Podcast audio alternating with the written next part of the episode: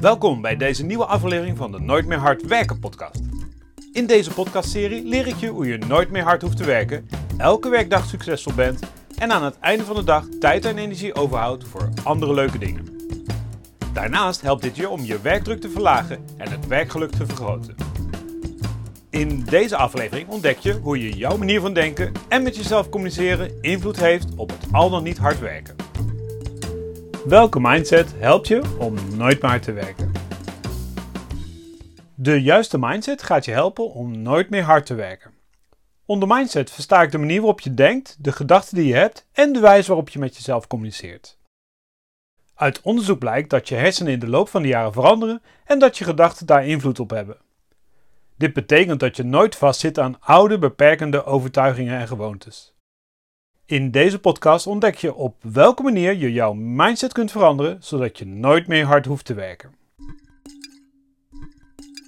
Niet hard werken, maar werken vanuit je hart. Enkele maanden geleden was ik samen met een van mijn beste vrienden een paar dagen op reis. We reden in mijn auto naar Tsjechië en draaiden onderweg muziek uit de jaren 80. Dit was muziek uit onze jeugd, dus voor beiden een goede keus voor een lange autorit. We ontdekten dat heel veel van die artiesten die in die tijd succesvol waren, nu niet meer leven. Veel van hun waren gestorven door zelfmoord, een overdosis drugs of andere verslavende middelen. Opnieuw vroeg ik me af wat succes is. Is succesvol zijn veel geld of roem hebben, of moeten we succes anders gaan formuleren? Werken vanuit je hart betekent dat je werk doet dat je leuk vindt, waar je voldoening uit haalt en dat bijdraagt aan jouw grote doel. Daarnaast moet je dit werk lange tijd kunnen volhouden zonder dat je stimulerende middelen nodig hebt die je uiteindelijk fataal kunnen worden. De organisatie waarvoor je werkt moet je de mogelijkheid geven om dichter bij dit grote doel te komen. In een vorige podcast heb je jouw Ikigai kunnen vinden.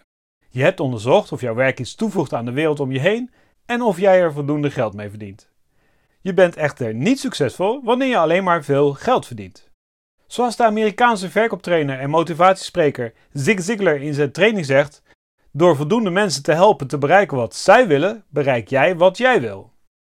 Het spreekt mij aan om net als Zig Ziglar succes te koppelen aan de bijdrage die je levert aan het succes van anderen bij het bereiken van hun doelen. Hoe beter je werk aansluit bij jouw grote doel, hoe meer motivatie je uit het werk haalt en hoe minder hard je moet werken. Kan ik er wat aan doen? Dat hebben ze op het hoofdkantoor verzonnen, daar kunnen we niets aan veranderen. Met deze zin wordt de onmacht samengevat die de werknemers van een groot bedrijf op de werkvloer regelmatig voelen. Ze moeten volgens de procedure die op het hoofdkantoor of door de directie is opgesteld hun werk uitvoeren. Maar in de praktijk werkt dit niet, of kost het meer tijd en energie dan nodig. Meestal weten de mensen op de werkvloer precies hoe het beter zou kunnen. Zij werken hier dagelijks en verzamelen zo waardevolle ervaringen en inzichten. De directie of het management dat de beslissingen neemt, staat hier vaak niet voor open of weten niet wat er op de werkvloer speelt. Meestal berusten de werknemers op de werkvloer hierin en stoppen hun frustratie over deze situatie tijdelijk weg. Of dit terecht is of niet, is maar de vraag. Vaak ontstaan deze situaties door een misverstand of is de juiste kennis en argumentatie bij alle partijen niet aanwezig. Misschien kunnen de mensen op de werkvloer er wel wat aan doen. Door in gesprek te gaan met het hoofdkantoor of de directie vind je de beste oplossing voor beide partijen, of je gaat in ieder geval beter begrijpen wat de overwegingen zijn om te kiezen voor de, op het eerste oog, inefficiënte werkwijze. Natuurlijk zijn er ook dingen waar niemand invloed op uit kan oefenen. In Nederland zijn we kampioen klagen over het weer. Dan is het te warm en een dag later regent het weer te veel. Soms kun je er ook niets aan veranderen en moet je het accepteren. Je kunt dan blijven klagen of puffen, maar het kost alleen maar extra energie en komt de resultaten niet ten goede. Wil je een bijdrage leveren aan het resultaat van het team of de organisatie waarin je werkt, dan wil je jouw aandacht vooral richten op de dingen waarmee je een verschil kunt maken. Je kunt je ook vergissen in hoeverre je wel invloed kunt uitoefenen op jouw werksituatie. Misschien ben jij wel de aangewezen persoon om dit bij de directie of ondernemingsraad aan te vechten. Er is vaak meer mogelijk dan je in eerste instantie zou denken de schijn ophouden. Van 1990 tot 1995 werd op de Britse tv-zender BBC One de serie Keeping Up Appearances uitgezonden. In deze serie is het centrale karakter een snobistische dame, Hyacinth Bucket, die haar achternaam standaard uitspreekt als Bouquet. Haar achtergrond is een arbeidersgezin, maar zij wil eigenlijk worden gezien als een lid van de elite. Ze schaamt zich voor haar familie en probeert zich op allerlei manieren beter voor te doen dan ze is. Dit leidt natuurlijk tot hilarische scènes, waarbij het nooit precies gaat zoals zij wil. Helaas heeft dit ook een andere kant. Door haar vreemde gedrag willen vrienden en familie niet met haar gezien worden en ze proberen haar continu te ontlopen. Deze serie is af en toe nog steeds op televisie. Het is een van de best verkochte series van de BBC en wordt in heel veel landen uitgezonden. Keeping Up Appearances is letterlijk vertaald de schijn ophouden. Je doet je beter voor dan je bent. Dit verschijnsel zien we ook op social media. De foto's op Instagram of Facebook zijn alleen maar mooie momenten. Je ziet wat iemand in een chic restaurant eet en op welk exotisch resort de vakantie wordt gehouden. Zelden zie je foto's van de vervelende momenten. Door deze beeldvorming krijg je de indruk dat iedereen een beter leven heeft dan jij. Er zijn dan ook gevallen bekend waarbij iemand een dure auto huurt om een foto voor Instagram te maken, met als doel om te laten zien hoe goed het met hem of haar zakelijk gaat. Door je niet kwetsbaar op te stellen, maar te leven in een zelfgecreëerde succesillusie, maak je jezelf en de mensen in je omgeving ongelukkig. Voor je het weet ben je zelf ook een hyacinth bucket, die haar naam chic uitspreekt.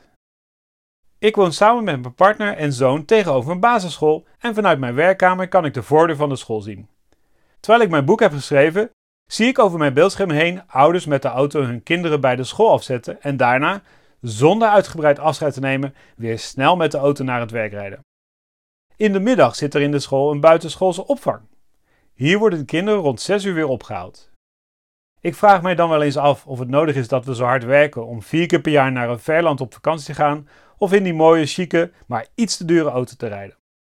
Of willen we wat meer tijd met de kinderen en het gezin kunnen doorbrengen en hiervoor minder uren gaan werken? Moeten beide ouders fulltime blijven werken voor de hypotheek? Of heb je dat huis gekocht om indruk op je omgeving te maken? De internetondernemer Gary Vaynerchuk, die veel mensen inspireert om succesvol en gelukkig te zijn, noemt dit buying stupid stuff to impress people you don't even like. Kortom, je koopt stomme dingen om indruk te maken op mensen die je eigenlijk helemaal niet leuk vindt.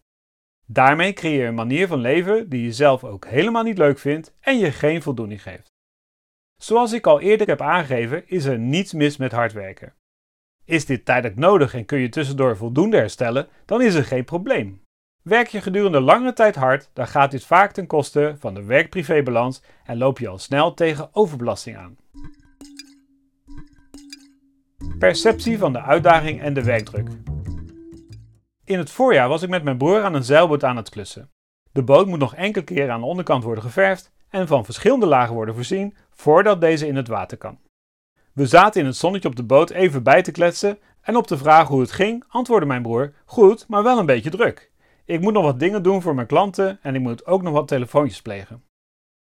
Op dat moment realiseerde ik mij dat je in het hier en nu het nooit druk kunt hebben.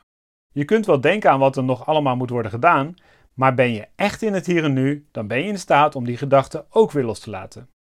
In het hier en nu zaten mijn broer en ik op de boot met het zonnetje in ons gezicht er gezellig bij te praten. Ik kan niet zeggen dat we erg druk of hard aan het werk waren. Je overtuiging en gedachten over je werk bepalen hoe je de uitdaging of de werkdruk ervaart. Natuurlijk zijn er momenten waarop je meer werk hebt dan in je beschikbare tijd kunt uitvoeren. Juist op die momenten is het belangrijk om meer focus in je werk te brengen. Soms maak je de uitdaging groter dan het is en ervaar je meer werkdruk dan nodig. Voer je de werkzaamheden die je moet doen gefocust uit, dan heb je het niet druk. Het kost wel energie, maar na afloop kijk je met voldoening naar je werk en heb je het niet druk gehad. Het druk hebben is een gedachte die je loslaat om in het hier en nu te zijn. Soms vergeten we te genieten van de eenvoudigste momenten en zijn we in gedachten al bij de dingen die we later of straks moeten doen. Je kunt ook gewoon stoppen met denken aan wat je straks nog moet. Dan heb je het lekker rustig. Zelfvertrouwen. Als golfcoach kom ik veel leerlingen tegen die te weinig vertrouwen in hun eigen kunnen hebben.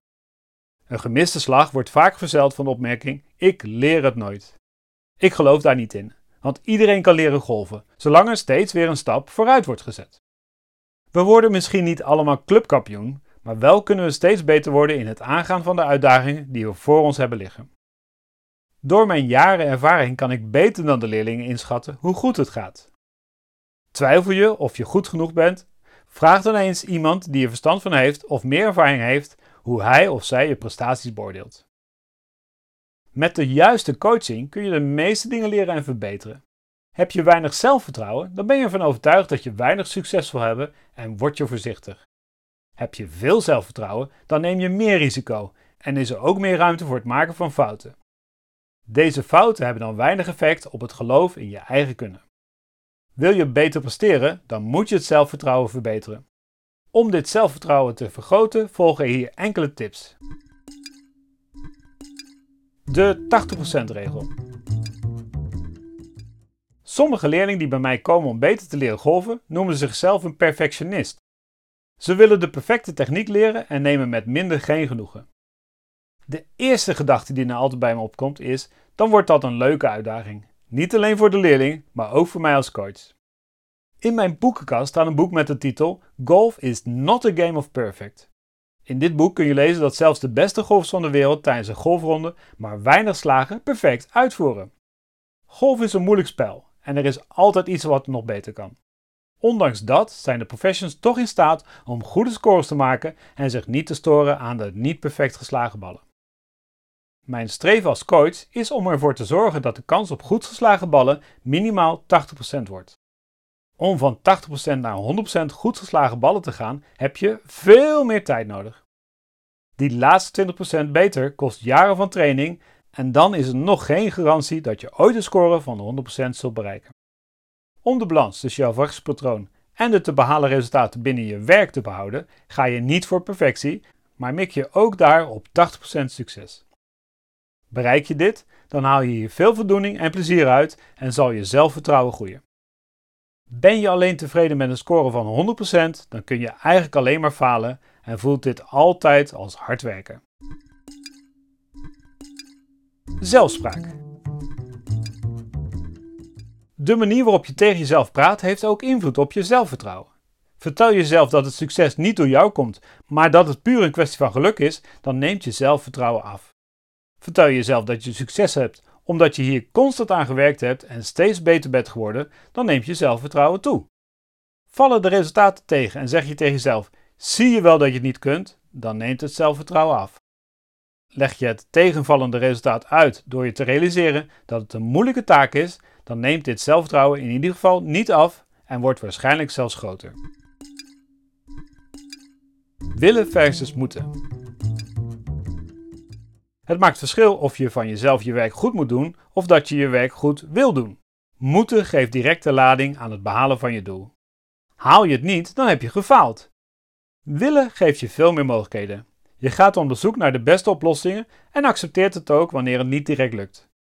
Moet je iets doen en lukt het niet, dan neemt de druk alleen maar toe. Het moet en zal lukken.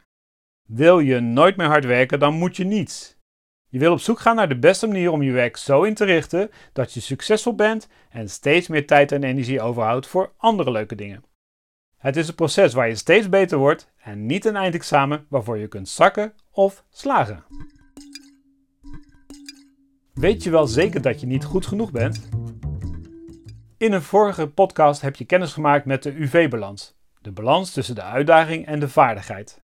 Is de uitdaging groter dan de vaardigheid die je hebt, dan krijg je problemen. Je moet dan op korte termijn de uitdaging verkleinen en op lange termijn je vaardigheid door training en bijscholing vergroten. Je kunt de uitdaging in gedachten ook groter maken dan hij in de werkelijkheid is. Je ziet dan op tegen de uitdaging en hebt moeite om te zien of je deze uitdaging ook aan kunt. Door de uitdaging in kleinere acties in te delen, krijg je een beter overzicht en zie je dat het meevalt. Het zijn misschien wel veel stappen die je moet nemen, maar elke stap is te overbruggen. Misschien twijfel je wel of je wel goed genoeg bent. Je weet niet zeker of je de vaardigheden hebt om de uitdaging succesvol af te ronden. De enige manier waarop je zeker weet of je iets wel of niet kunt, is om het te proberen en onderweg van je fouten te leren.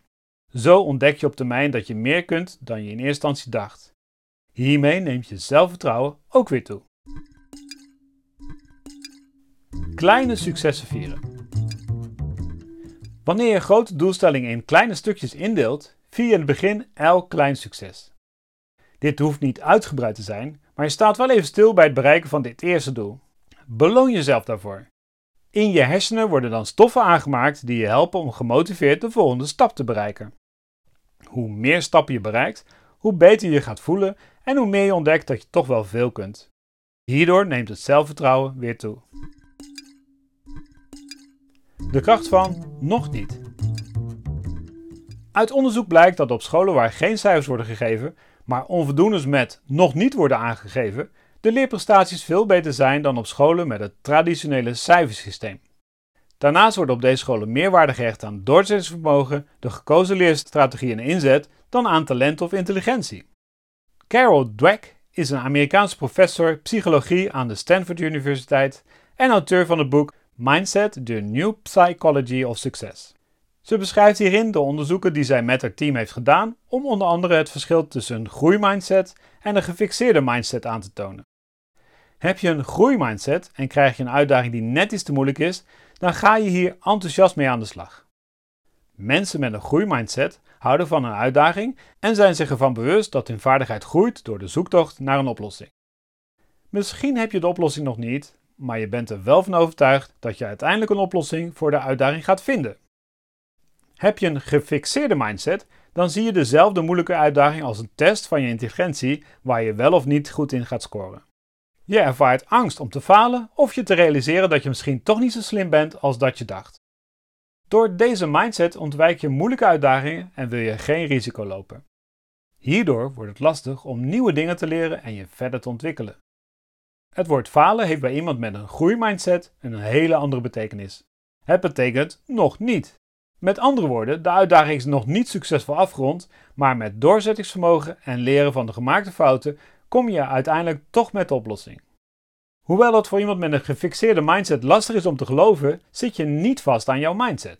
Met de juiste feedback kun je veel van je overtuiging en je mindset veranderen. Wil je iemand met een gefixeerde mindset helpen om zich te ontwikkelen, dan spreek je vooral je waardering uit voor de getoonde inzet, het proces wat ze volgen om tot resultaat te komen, het doorzettingsvermogen en de vooruitgang die ze boeken. Ben je alleen maar geïnteresseerd in de resultaten die nu behaald moeten worden, dan versterk je de gefixeerde mindset. Die mindset wil niet groeien, maar alleen maar nu presteren. Uit meerdere onderzoeken blijkt dat je, door jezelf uit te dagen en iets moeilijks te leren, de neuronen in je hersenen versterkt. Neuronen geven signalen door naar andere onderdelen van het lichaam. Hierdoor worden er nieuwe en sterkere verbindingen gemaakt, waardoor je slimmer wordt. Je gefixeerde mindset kan in een groeimindset worden omgezet wanneer je begrijpt dat je hersenen in staat zijn om nieuwe en sterkere verbindingen te maken en je dit tegelijkertijd koppelt aan het gebruiken van de beoordeling nog niet. Hierdoor zie je alle pogingen om de taak succesvol te brengen als een les die je helpt om de oplossing te vinden en niet als een eindexamen waarvoor je kunt slagen of falen. Door deze verandering ga je steeds meer nieuwe uitdagingen opzoeken en lever je betere prestaties. De gefixeerde mindset ziet meestal alleen maar problemen, waardoor je altijd hard moet werken. Om die reden train je je groeimindset, waardoor je werk steeds eenvoudiger wordt en je met minder moeite beter presteert. Omgaan met druk. In de Netflix-series Losers komen verschillende sportmomenten voor waarin de sporter een nederlaag meemaakt en hieruit iets positiefs weet te halen. Zoals ook de Franse topgolfer Jean van der Velde. In 1999 had hij de kans om die Open op de golfbaan in het Schotse plaatsje Carnoustie te winnen. Die Open is het oudste golftoernooi dat er bestaat en wordt altijd in het Verenigd Koninkrijk gehouden. Met nog één hol te spelen heeft hij een voorsprong van drie slagen op zijn naaste concurrenten. Speelt hij de hol slim en voorzichtig uit, dan gaat hij het toernooi zeker winnen. Hij slaat echter een slechte eerste slag en neemt daardoor nog enkele foute beslissingen, waardoor hij zijn voorsprong in het water ziet vallen. In de verlenging van de wedstrijd verliest hij definitief de titel. Deze gaat naar de Schotse golfer Paul Lawrie. Paul Lawrie had aan het begin van de dag een achterstand van 10 slagen op Jean van der Velde, die hij aan het einde van de dag heeft weggewerkt. Of het instorten van Jean van der Velde veroorzaakt werd doordat hij niet tegen de druk kon, is nooit duidelijk geworden. Maar na bijna vier dagen geweldig te hebben gescoord, was zijn verlies wel erg opvallend. Sommige sporters leven juist voor deze spanning. Zij voeren de druk op om zichzelf extra te motiveren. Zo motiveert wereldkampioen kickbokser Rico Verhoeven zich nog steeds met de gedachte dat hij aan het begin van zijn carrière weinig tot geen geld verdiende. Hij moest zijn wedstrijd wel winnen, anders had zijn familie niet te eten. In zijn tegenstander zag hij de persoon die wilde voorkomen dat hij en zijn gezin voldoende geld te besteden had.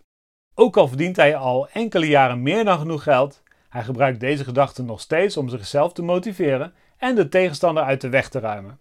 Hij moet en zal dit gevecht voor zijn gezin winnen.